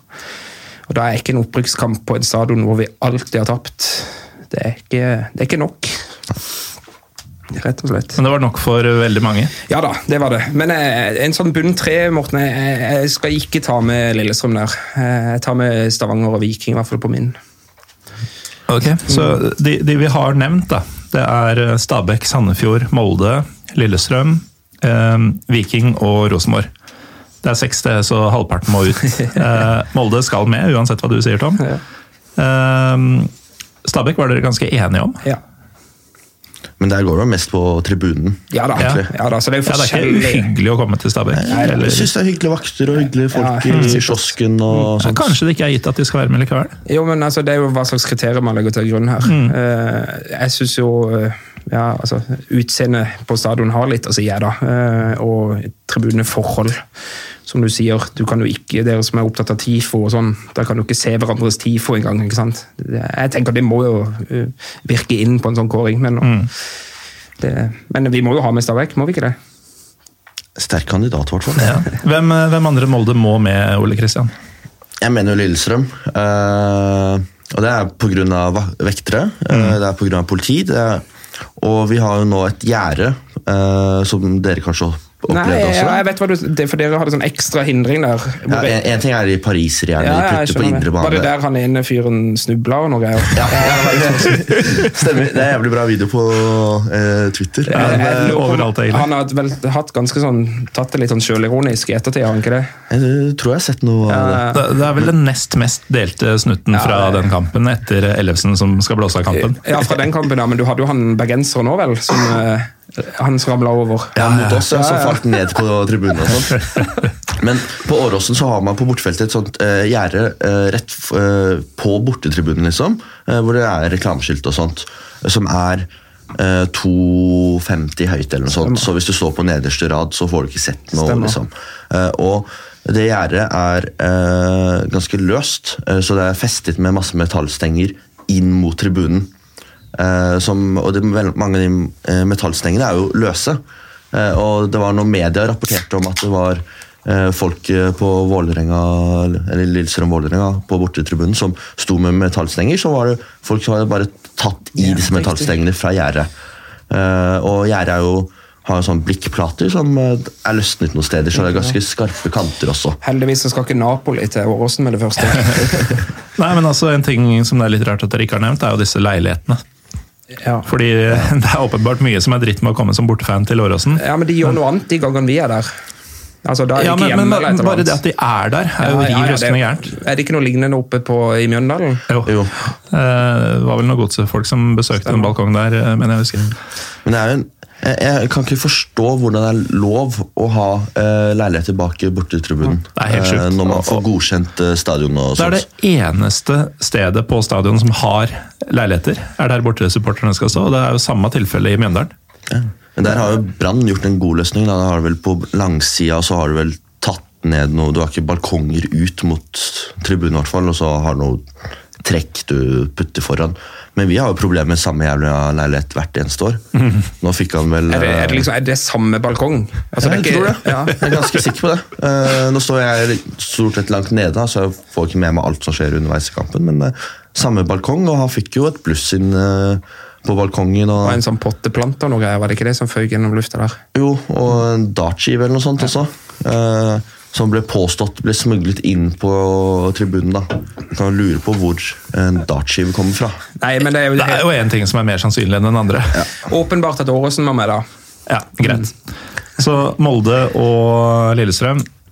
Tredje Stabæk er en sterk kandidat. Vi har nevnt Sandefjord, Viking og Lerkendal. Sandefjord er vi ikke der, eller? Vi i hvert fall, de- vi har de samme opplevelsene der, og det går jo på vakthold. Ja. Uh, har, vel sånn, har vel ikke vunnet noe særlig heller der for egen del. Vært mye dårlig, mye uavgjort. 3-3 et år og litt sånn. Ikke noe gøy, Sandefjord. Man er en sterk kandidat når man driver med overgrep i innsjekk. Men har du sett, altså, har du vært der nå de siste årene? Den nye tribunen der er jo helt sinnssykt rart delt inn. Det er to seksjoner på eh, samme plan som er atskilt med en sånn svær vegg. Så hvis du er et gitt antall der, så får du altså en vegg som skiller altså, samme supportergjeng. Ja, den er helt grusom. Eh, Han gir ganske bra lyd, for det er lavt under taket, så han spyr liksom lyden ut riktig. Eh, Men han er veldig rart konstruert. Eh, Det er tydelig at ikke du har vært der før, eller etter at den kom. Men den Er det en ny tribune, eller? Ja, han ser nesten litt midlertidig ut. Men den kom, når kan den ha kommet? Tre år siden, eller noe sånt? Nei. Nei da, men øh, nå skal du der i år, Morten. Nei, de, skal, de rykker opp, de. Det er vi som skal der. Jeg skal dit neste år, da. Ja, Men, når, når eh, Sandefjord rykker ned. Ja. eh, men blir det Sandefjord, da? Altså, Klarer Stabæk seg, f.eks.? Ja, jeg, jeg syns Stabæk sin stadion er verre. Eh, Ja. Det syns jeg. Men det høres jo ut som totalpakka i Sandefjord er eh, La oss gjøre det. kjipere. Ja. Så Sandefjord, Molde og Lillestrøm er de tre verste. Kanskje. Men vi kan jo si Sandefjord, eh, Stabæk eh, og Lillestrøm, og så er ikke Molde en del av konkurransen, fordi jeg Det er et er annet nivå, liksom. liksom. Det er i Morten sin ånd. Ja, men det, det kan vi godt si. Um, får vi Trym til å lage noe bra grafikk på, på at Molde liksom er i, oppe i en sånn annen sfære når vi skal få noe Instagram-greier til dette. det er vel noen Molde-supportere som hører på dette. her. Det jo... Det er- må jo bli færre og færre. Men det er jo- Drømmen min er jo å ha Pyro og Pivo live i Molde, sammen med Trym Magner. Men Det, Da må Ellefsen på plass. da tror jeg faktisk vi må leie inn eh, sikkerhetsselskapet til bortefeltet på Molde stadion. Men jeg må jo si da at eh, når man kritiserer Molde, så er det jo egentlig ikke supporterne man kritiserer sånn Nei, i bunn og grunn. Og så, så eh, kan man jo si at det har vært veldig stille fra de. Ja, Stillheten uh, deres kritiserer man jo med rette. Det- men, men det er det er jo ikke de som har eh, vært de verste her. Nei. Men uh, kan vi ikke ta det i en egen Molde-podkast? For det at uh... Kan hende det kommer en dag, altså. Prikk, prikk, prikk. Ok, så de tre verste er altså mm, Sandefjord, Lillestrøm og Stabæk. Med Molde som sånn gudfar for alt som er dritt med å dra på bortekamp. ja. Um, hva er eh, Hvor er det bra å dra, Ole Kristian? Eh, Bislett på Lyn eh, Vålerenga 2 er en sterk kandidat for egen del. Det er ganske fint å ta trikken fra Bohemen eh, sånn tre trikkeholdplasser opp, og så slå Lyn sitt A-lag med juniorgutta. Ja, Den tror jeg smaker. Eh, hvor mange er dere på de matchene? Jeg tipper det varierer bra, men eh, Det var ikke så mange i fjor, men holdt jo gående med en vet ikke jeg, jeg er dårlig på å telle, men siden er det sånn at det faktisk blir en tribunekamp Det var det ikke sist, for det var over, overkjøring. Men, eh, fra Vålerenga? Ja. Ja. Det er litt synd, egentlig. For jeg, Jeg syns det er trist med Lyn. altså. Jeg må innrømme at jeg savner Lyn. Det var jævlig digg når de rykka ned. Ja, de hadde jo noen sinnssyke TIFO-år på midten av 2000-tallet. Virkelig. Og hvis de var så få som de på en måte mente de var, så syns jeg det er imponerende. Dedikerte folk. Lyn var blant de aller, aller beste på TIFOR. Mm. Eh, De har jo denne, jeg husker den derre Det siste måltid eller noe sånt, som er inspirert av Jesus eh, og sånt, med Henning Berg og litt sånt. Mm. Holder skyhøy klasse. Var det ikke de, Jeg lurer på om det var Lyn som eh, mot Odd en gang, hvor Erik Holtan var keeper på Odd. Hvor en Lyn-supporter i pausen hadde kjøpt seg en hamburger, gått ut på banen og lagt den ved målstreken. Der Erik Holtan skulle stå i andre omgang. Det er fantastisk. Det er, sånn, det er ja, erkebritisk humor. Det var, ja, for det, det var jo en FA Cup-kamp, tror jeg, for et par år siden. Ja, med sånn superamatør- ja, ja. Som faktisk åt en pai eh, mens kampen gikk, eller åssen det han, han, var, han fikk jo Erik Holtan til å se ripped ut, faktisk.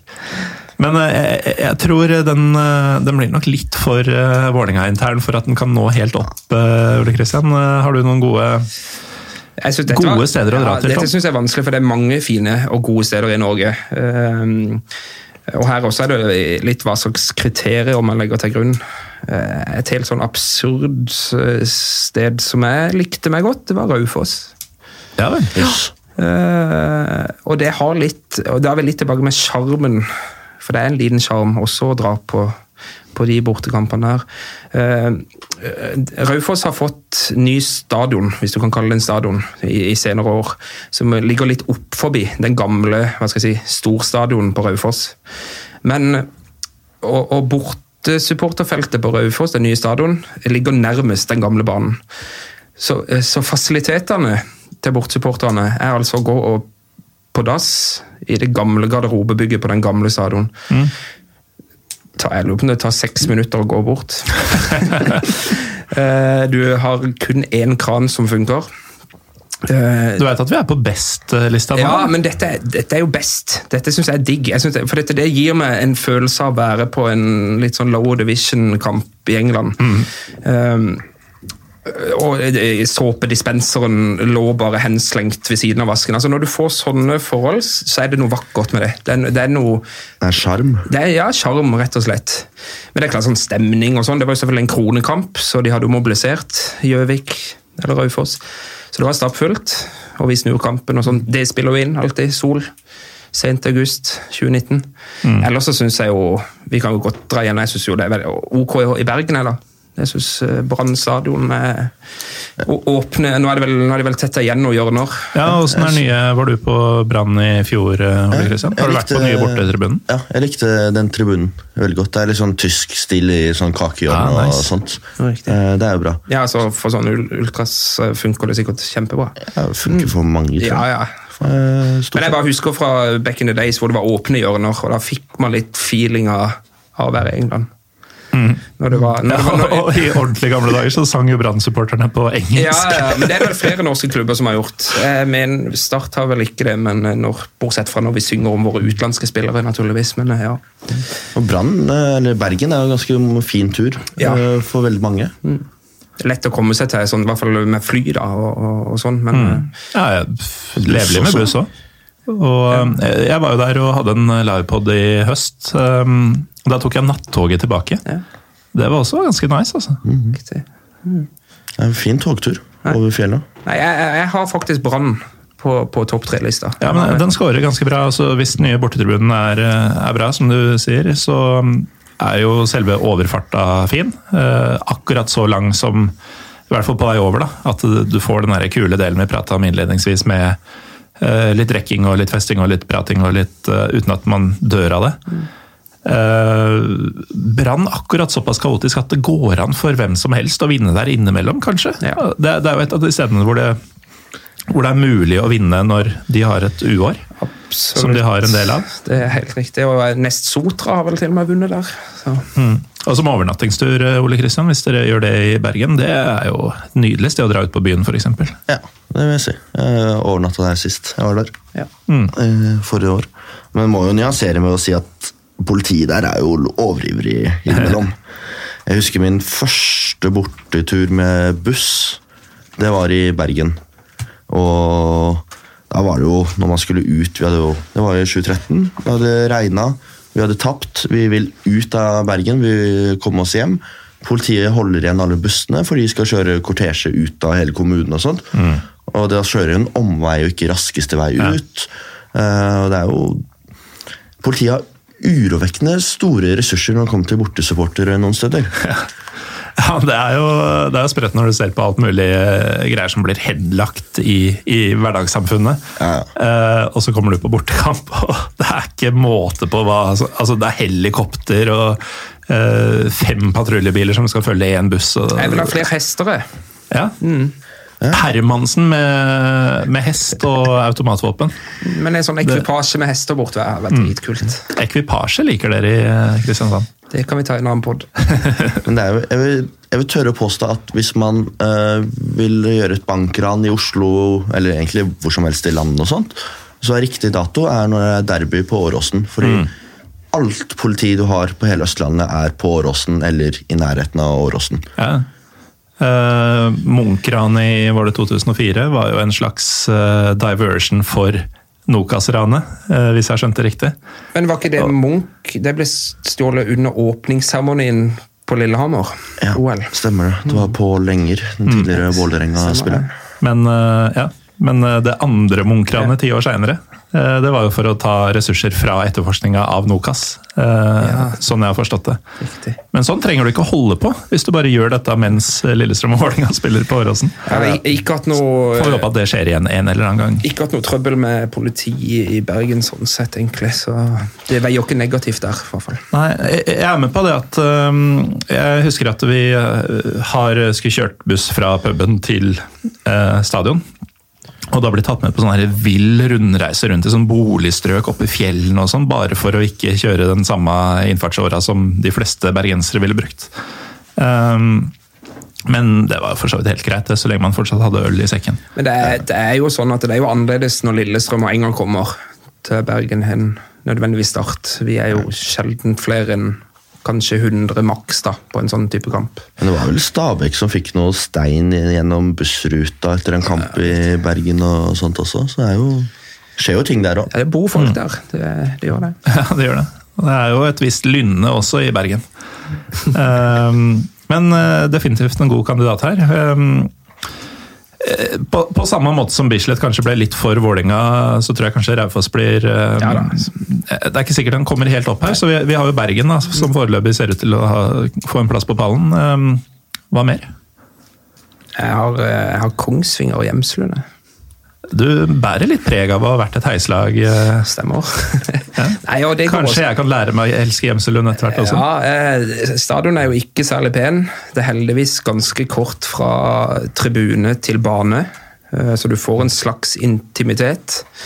Jeg husker sist jeg var der, vi, ja, vi hadde det i fjor, men den fikk jeg ikke vært på. Men jeg var der i 17, når vi var nede, i første serierunde. Eh, Og det var første hjemmekamp Kongsvinger hadde etter at de hadde vært i cupfinalen. Og på cupfinalen var de 12 000 sikkert. Så var de 1200 på første seriekamp etterpå. Det er ekte fans. Så dette handler egentlig mer om gjestfreden jeg har opplevd de gangene jeg har vært der. Det var eh, Etter tapet i fjor, eller når det var, eh, i 17, så fikk vi gratis vafler på vei ut etter kamp. Er det er småting, altså, men det, det gjør et eller annet med at du har lyst til å gå tilbake igjen der. da. Det så er det, det er jo sjelden stress å komme seg til stadion der fra pub. altså litt sånne ting, Det er jo små forhold. Men eh, sjarm. Så det, er- det er Hedmarken altså, som leverer på i Obos, syns jeg. Um, hvis jeg kan komme med et innspill, så er jeg veldig glad i bortekamper i Østfold. i Det hele tatt. Um, om det, det stammer fra da Moss var det store laget, eller i hvert fall det beste laget i Østfold. Uh, da jeg begynte å dra på bortekamper for 20 års tid siden.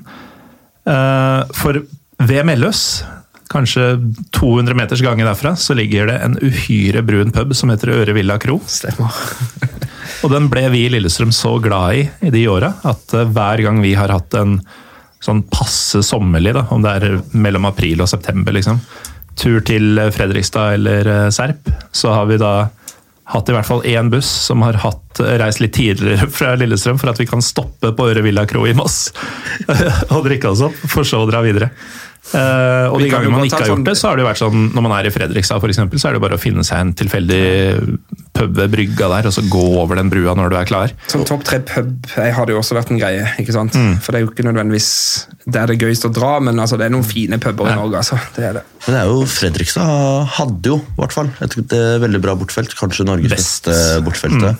Nå har vel bortfelt og hjemfeltet byttet plass, eller noe sånt også, men uh, det var jo veldig bra bortfelt der. og For egen del så er det jo veldig fint med disse turene som tar to, kanskje tre timer én vei. da. Det er ganske perfekt eh, reisetid for en bortekamp. altså. Det er det. Og Det samme gjelder jo Skien, som er en ganske fin tur for egen del. Da må, da må Gimle pub nevnes. Det er fantastisk. Eh, Altså, der er, det er mange slitne innbyggere i Kjelen, men de aller eh, seigeste de finner du på Gimle pub. Der, eh, og så er det sånn relativt kort gange til Falkum, som jeg liker å kalle det. Ja. Vet ikke, Det er ikke der dere pleier å være. Vi Vi har vært litt forskjellige steder, vi. ja, vi også, men eh, det derre Fort Falkum eller noe sånt som ligger rett over, som egentlig bare er sånn stort telt. Ja, riktig. Um, hvor runde tribunene går rundt og hilser på alle og sånn. Der, der har vi ofte vært. Bare av enkle hensyn. Du kan gå over gata, og så er du på stadion. Dere er velkomne. Uh, vi har pleid å være, i hvert fall. Jeg kan ikke huske at vi har vært det. Nei, Vi har vært nede på brygga litt sånt innimellom. Gjerne om sommeren, da, selvfølgelig. Men, men skal Skien med på den lista her? Det er en kandidat, syns jeg. Ja. For egen del. Ja, jo, ja, jo, det er jo grei tribune og, Ja, og så er det kort. også. Eh, Vi har vel faktisk ganske lik reisevei til Skien, bare kommer fra to forskjellige kanter. To timer fra Kristiansand. Og det er ikke noe med vaktholder som jeg kan huske som har vært noe ille. Nei. Jeg husker ene året, så jeg tror vi vant på overtid eller noe sånt der. Eh, og så drev vi og pakket sammen eh, flagg og bannere og bruker jo litt lengre tid ut. Og når jeg kommer ut, så står bussene line up for å kjøre. Og noen av bussene har ordentlig bra musikkanlegg, så da ble det jo rave eh, på utsiden av stadion eh, ved bussene. Det var ganske god stemning. Minuset for å ta det på Skagerrak Arena, og det gjelder generelt stadioner hvor bortesupporterne er på TV-sida, hvor du ikke kan se Hvis du ser en kamp, så ser du ikke bortsupporterne, for de er på samme side som det filmes fra. Det er det jo blitt i Skien nå. Det syns jeg er kjedelig. Som, som er veldig opptatt av bortsupportere, og se hvor mange mm. man er, osv. Så, videre. så øh, Jeg kommer ikke på i farten andre steder, men det er noen av de stadionene der da, hvor du rett og slett ikke ser bortsupporterne. Ja, det er døvt. Men eh, er Skien en kandidat her rett og slett fordi de bare, det er jevnt over ålreit å dra dit? På, på de fleste kriteriene vi har? Ja, nå, Enga, er jo, Enga flyter jo på en liten sånn Skiensbølge nå, gjør det ikke det med Fagermo? Ah, ja, åpenbart. Hver gang jeg har en litt dårlig dag, så bare ser jeg det pressekonferansen med Fagermo. Han sier alt det riktige. Spesielt at eh, Vålerenga skal trene mye, men ikke på Lillestrøm. Hver gang jeg har en god dag Men er ikke det litt fordi dere ikke får lov? Jeg mente det var noe snakk om at eh, LSK-hallen ikke ble tilbudt uh, Vålerenga. Men uh, Planen var jo at de skulle trene der, mot alle, alle supporterne som ville. Ja. Men det er jo grei sånn enkel propaganda fra Fagermo da, for Ja, å vinne ja, ja. litt Han vet jo hva han skal si, Ja, ja. men uh, når du har opplevd liksom, den høsten vi har opplevd, Ja. da, så er det ganske lett å komme i god stemning ved å høre noen fine ord. Men jeg er tilbøyelig til å ta med Skagerrak Arena, egentlig da utelukkende basert på, på grunn av pub som vi har pleid å velge der, som er helt super. Men det er litt rart å hjem, eh, nevne sin egen hjemmearena, men Vålerenga stadion, hvordan er det å være på bortkamp der? For jeg opplever det som et av de bedre bortefeltene også, om ikke det beste. Ja, det er det jo. Det er jo men det, noe ikke jeg har skjønt med den uh, Vålerenga stadion, la oss kalle den det, uh, den der forbaska muren. Altså, det, jeg syns ikke det ser bra ut på TV, da. Eh, På en måte. Ja, fra tribunen Ja, ned ja, til at det Motta. virker jo han, Det var han bergenseren fikk jo erfare det. Det ble jo jeg vel en halvannen meter ned der, eller noe sånt. Men, men, men jo da, for all del. Eh, bratt. Uh, som vel gjør det egentlig ganske bra. Mm. ja, og så er det rektangulært eh, oppover, og ikke i bredden. Ja. Det er mye lettere å organisere stemning uh, hvis det står jo, Eh, mindre bredt. Absolutt, men der er jo også Viking stadion synes jeg er veldig fin, med alt på ett plan. Det var jo det Start burde ha gjort i sin tid. Og for nå har vi jo bare stengt øvre del. ikke sant? Ja. Altså, Viking er jo en kandidat, for der um, Kanskje ikke dere der heller, men uh, der har i hvert fall vi vært velkomne på den puben som er rett ved inngangen til stadion. Eh, og men får du ikke er- Tore Tang Er det, er det, ikke, er det ikke veldig vikinginspirert sted? Jo, eh, så stedet i seg sjøl er, er jo ikke det beste, men det er jo Jeg syns alltid det er behagelig å, at det ikke er et prosjekt å forlate puben for å gå på kampen. At uh, Ja. Ja, men jeg er helt enig. Det, I og med at ikke du kan drikke på selve stadion, så er det et godt alternativ. Absolutt, jeg ser Du har jo toget rett på baksiden av tribunen også, hvis du skal hjemover med natt nattoget. Det er Mm. alltid pluss. Riktig. ja. Og så er det jo, syns jeg, kanskje det fineste stadionet i Eliteserien. Men altså, Viking kommer ikke på noen toppliste for min del, men der må Nei, det- prate om det.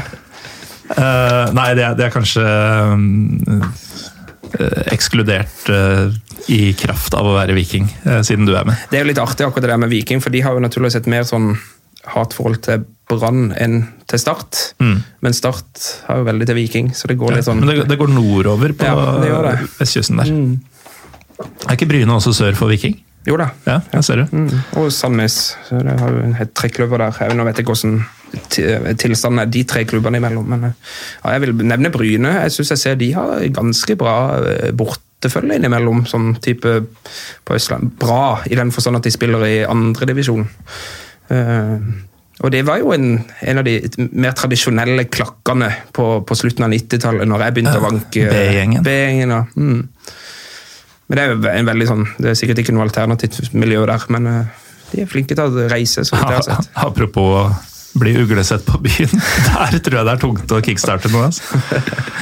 Um, vi har nevnt en del kandidater nå. Vi har um, ja, Bislett, um, Raufoss, Bergen, Kongsvinger, Fredrikstad uh, som representant for Østfold. Um, Skien. Er det noen vi har glemt? Marienlyst. Jeg liker meg godt i Drammen. Stadion syns jeg er kjempefin. Den gamle bortfeltet der var eller, gamle. Det forrige bortfeltet Ja, var veldig ja, fint. men de de, de Som Men det gamle bortfeltet var forferdelig. Ja. De har bytta der òg. Ja, øh, jeg er tilbøyelig til å være enig, men greier at de har bytta ut så mye der øh, at man veit aldri helt fra år til år hvor skal man stå og sånn. Eh, Nå er det vel mer eller mindre satt, tenker jeg, men Ja, For 20 år siden så var vi jo på banen der òg, så det, det er jo flere grunner til at, at Marienlyst er et godt sted. ja, Men, er der Espen Johnsen skal feire med Cola Light-kampen. er Gjette hvem som også var involvert i den banesorminga. Ja, undertegnede, naturligvis, men også Fredrik Strømstad. Strømstad? altså. Ja, ja. det, han er jo italiener, egentlig. ikke sant? Han har jo drømt om AC Milan siden han lærte å gå. ikke sant? Så han har jo vært opptatt av litt tribunekultur derfra. Men apropos, er det noen av dere som følger Jesper Mathisen på Instagram? Jeg, gjør, jeg tror jeg gjør det. Tre eller fire år gamle sønnen hans, Svein naturligvis, han har tilslag med venstre. altså. Men er ikke han bare opptatt av sånn sabeltann? Er det ikke det som er greia? Jo, men uh, Forleden dag så spilte han fotball i sabeltannkostyme. og dunka ballen i veggen som om, det, har jo ganske mye som om han var sint på veggen. Jeg har ganske mye Jesper Mathisen i monitor, for jeg, han er jo involvert i den lokale podkasten i, i Kristiansand. Så jeg, Som og en, ja, en startpodkast, men utrolig bra. Veldig fint. Mm. Podkastkonge, han. Ja, han har vært med på, på en del. Um, en ja-mann, egentlig.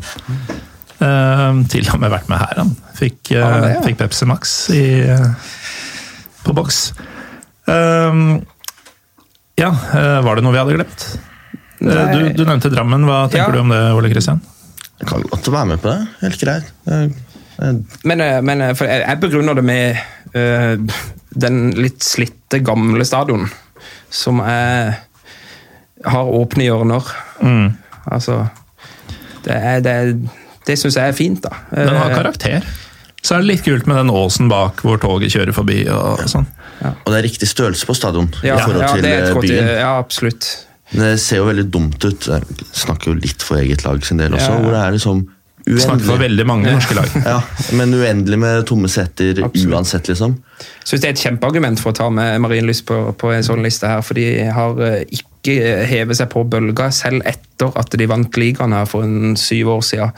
At de liksom, nå er det jo sikkert ikke bare å bygge en etasje til på Marienlyst, men de har, de har holdt det nøkternt. da. Eh, og det var sikkert ganske bra trykk med billetter i den perioden der. Det må det ha vært. Ja, at de har på en måte bare holdt seg til den, de fasilitetene de har. da. Så har de tuna litt. ikke sant? De fikk jo denne her nye kortsida. Der var det jo gress før. ikke sant? Bare sånn gresshaug. Skal vi um, gjøre det sånn at vi rett og slett får med én hver som vi mener må med? Så har vi tre. Er det noen som vil begynne? Jeg kan si Fredrikstad. All right. Tror jeg tar Drammen. Og det er også litt pub. Palmen pub. Palmen. Ja, ja Ja, det der har jo vi også vært en del. Ja, eh, Det er vel kanskje sted. vanlig for de fleste bortsupportere, men eh, det står, det står ikke en stor palme inne i Jeg mener det gjør det.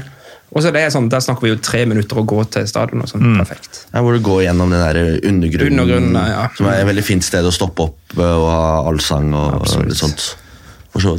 Da blir min faktisk noe som en Vålerenga-fan ikke kunne sagt. Jeg sier Bergen. Ja, men Da har vi jo Bergen, Drammen og Fredrikstad. Ja. Får håpe Fredrikstad skjerper seg, så eventuelt bare holder seg der de er. Så kommer vi snart uh, ned en tur uh, serping her. Men det er jo, jeg må bare si sånn, Fredrikstad er jo et sånt, også et lag man savner oppe eh, i Eliteserien. Jeg vil mye heller ha Fredrikstad enn uh. Kristiansund, Ranheim, Mjøndalen osv.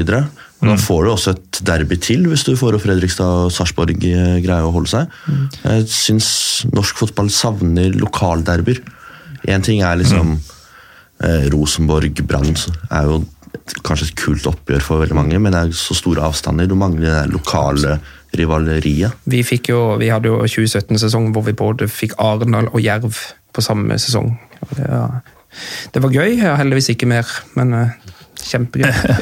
og, det, og ikke sant, eh, vi er, jo ikke, vi er jo ikke akkurat godt vant med lokaldarbeider, så det nærmeste har jo alltid vært Stavanger eller Skien. liksom. Så når vi fikk begge de to på samme sesong, så var det da fikk vi kose oss, spesielt i Arendal. Det var jo også en, en opprykkskamp. Men det er jo litt sånn eh, Det store problemet her, da.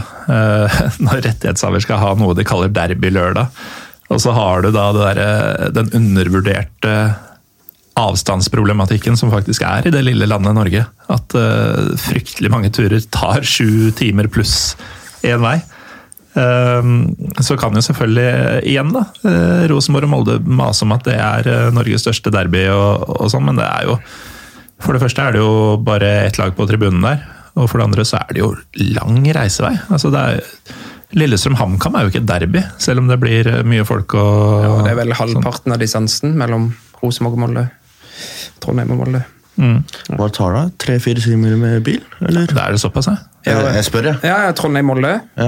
Jeg frekventerer ikke så mye på akkurat de veiene her, men jeg vil tro det ligger rundt der, ja. ja. Vi kan jo prøve å google-mappe det mens vi, mens vi holder Men praten jeg, her. jeg, jeg syns jo det er viktig, jeg var inne på det litt innledningsvis. altså Det er litt underkommunisert hvor imponerende det faktisk er med borteantall i Norge. Når du tar eh, avstander eh, i betraktning, så kan du alltid argumentere med at det bor veldig mange moldensere i Trond. eh, altså litt sånne ting, men, men det gjør det også i utlandet. ikke sant? Så, så jeg syns det er veldig, veldig bra. Og med de hva skal si, transport- eller kollektivprisene vi òg har i Norge, så det er ikke billig å fly til Tromsø eller Bodø eller, eller Bergen fra Kristiansand f.eks. Det er jo svindyrt. Men hvordan er det her for dere? Fordi eh, Klanen setter jo alltid opp en buss til alle kamper, bortsett fra de som er nord for Trondheim. Eh, Bohemsbussen som blir satt opp. Og da er det jo Hva koster det? 400-500 kroner for de dyreste turene og noe sånt? Ja, jeg har ikke tatt en offisiell hva skal jeg si, klubb- eller supporterbuss på sikkert 15 år. Det er jo, Men har dere supporterbusser i Kristiansand? Eh, ja, nå tilhører ikke jeg den offisielle supporterklubben som vel har 23 betalende medlemmer. Så. Men jeg, jeg vet, de har vel satt opp en og annen minibuss innimellom. eh, Og den vil jeg helst slippe å være på. Eh, Det tar, altså hvis du tar den raskeste ruta med ferjer og bompenger eh, mellom Molde og Trondheim, så er det 22 mil. Men pga. geografien så tar det 3 timer og 42 minutter. Eh, akkurat nå, i hvert fall. Så um, jo. Og Lillestrøm-Hamar er liten time, eller? Ja, time og ti minutter, kanskje. Eh, nå skal Vi ut. Vi har chartra Flytoget, så det tar sikkert Nå trodde eh, jeg du skulle si fly. Det er sykt. ja, Det hadde faktisk vært sykt. Ja, akkurat Flytoget tror jeg også Klanen gjorde ned til Fredrikstad en gang. Ja, Mm, Det er sikkert fin eh, Ja, nå er det, s- ja. Jeg trodde de hadde egne spor som tålte den type hastigheter. Men det, ja. det er i samferdselspodden. Det Jeg er ikke noen ingeniør, så jeg kan ikke det her. Nei, eh, de, de har sagt at de kan eh, ta oss dit, så da satser vi på Men at det det er jo også en sånn, sånn fjern drøm vi har i Kristiansand, å kunne booke et helt tog til Stavanger. Mm. Ikke sant? Eh, Det er mulig det har skjedd en eller annen gang i tida, eh, før jeg begynte å vanke på, på bortekamper, men eh, stort sett har vi bare hatt eh, en kupé innimellom. Um, vi er jo igjennom det vi hadde tenkt å snakke om, men jeg la ut en tweet tidligere i dag, så jeg tenkte vi kunne ta noen innspill derfra. Og siden vi har nevnt Fredrikstad nylig, så kan vi ta Marius at Sletten. To ender på slutten der, altså. Eh, Som så vidt jeg vet tilhører et eh, alternativt miljø i Fredrikstad. Han eh, mener at det beste er, og dette er jo noe vi har nevnt mye, men det går tydeligvis igjen i flere deler av landet. Reise med likesinnede og noen ganger høy begerføring. Se landet og sjarmen ved å samle baner. Han har egentlig oppsummert siste halvannen timen ganske bra, føler jeg. Ja, egentlig så har han det. Det har han. Eh, og også det verste for han. Hjemturen etter tap. Godt dekka. Og konstant blir plaga av vakter som ikke forstår tribunekultur. Men det er jo dette, det er jo dette bortedagene, eh, bortedagene handler om. Det er jo egentlig alt dette. Så, og, og så kan man alltid sette mer pris på noen av disse elementene. Um, men, men, men det er jo derfor vi gjør det år etter år. Uh, For du vet på en måte hva du får. Det eneste du ikke vet hva du får, er jo resultatet. Men alt det andre er jo statisk eller slavisk. Så Du vet jo resultatet. Du taper jo stort sett. jo da. Det er veldig greit å reise med den innstillinga, for dette da er det jo, det jo bra uansett. Det er jo Hvis du reiser liksom til ja, et eller annet sted i Gok, ikke sant? eh, så er det jo ikke nødvendigvis bare kampen du drar for. Det er jo opplevelsen, det er jo samholdet, det er gutta eller eh, vennegjengen eh, og sånt du drar for. også. Og det er jo kanskje samholdet som gjør at veldig mange drar på tribunen generelt. eh, Uke inn og uke ut. Det er jo ikke kampen i seg selv, fordi du får bedre opplevelse på TV eh, i stor grad hvis du vil Ja, hvis du se skal se fotballen. kampen, ikke sant? Så det er jo stemningen og alt rundt som gjør at du drar på stadion, Mm. om det er hjemme eller borte. Og så er det, vi, eh, i hvert fall vi, har en, vi kjører litt quiz og sånn på veien. da, sånn, Veldig sånn sære fotballquizer og sånn på veien. Det er utrolig artig. For det er, det er, det er en sær eh, hva skal jeg si, rase. Bortsupporter, eller fotballsupporter generelt, men eh, på borteturer det er Gjerne et høyt nerdegen. Veldig, veldig. og, og det er kanskje litt overraskende for de som hører på, som, ikke, som, som kanskje ikke driver med dette selv, og som har et visst inntrykk av ultras eller dedikerte eh, hva skal vi si, vanlige supportere, som kanskje litt sånn bajaser, halvkriminelle og sånn. Men faktum er jo at eh, det er jo en ekstrem interesse for noe ganske smalt som gjør at man gjør dette her. Og er du først tilbøyelig til å være sånn, så er du også tilbøyelig til å digge den quizen på bussen med, med diverse. Men vi har holdt på i halvannen time nå, og vi må både hjem og til koner, og noen av oss må på dass, og det er ikke måte på. Så jeg tenkte å si takk, Ole Kristian Sandvik, for at du var med. Jo, bare hyggelig. Og eh, lykke til med årets sesong. Og eh, takk også til eh, Tom Iversen for at du var med. Takk. All the way from Drøbak. Yes, det samme år. Det er jo ikke langt, da. Men det hmm. Du, eh, Rett før vi gir oss, du banestorma sammen med Fredrik Strømstad i sin tid. Eh, Er banestorming noe du driver med? det tar vi neste gang. Ok. Eh, Til alle dere andre så er jeg Morten Galaasen. Vi er Pyro Pivopod på Twitter og Instagram. Takk for nå.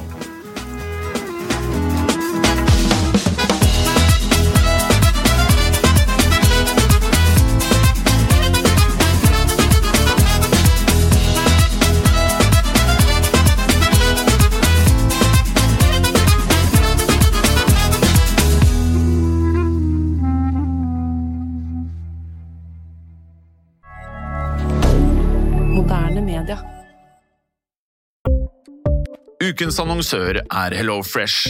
HelloFresh er verdens ledende matkasseleverandør og kan være redningen i en travel hverdag. Mange av oss har nok vandret i butikken både sultne og uten en plan for middagen, som ender med at vi går for de samme kjedelige rettene gang på gang.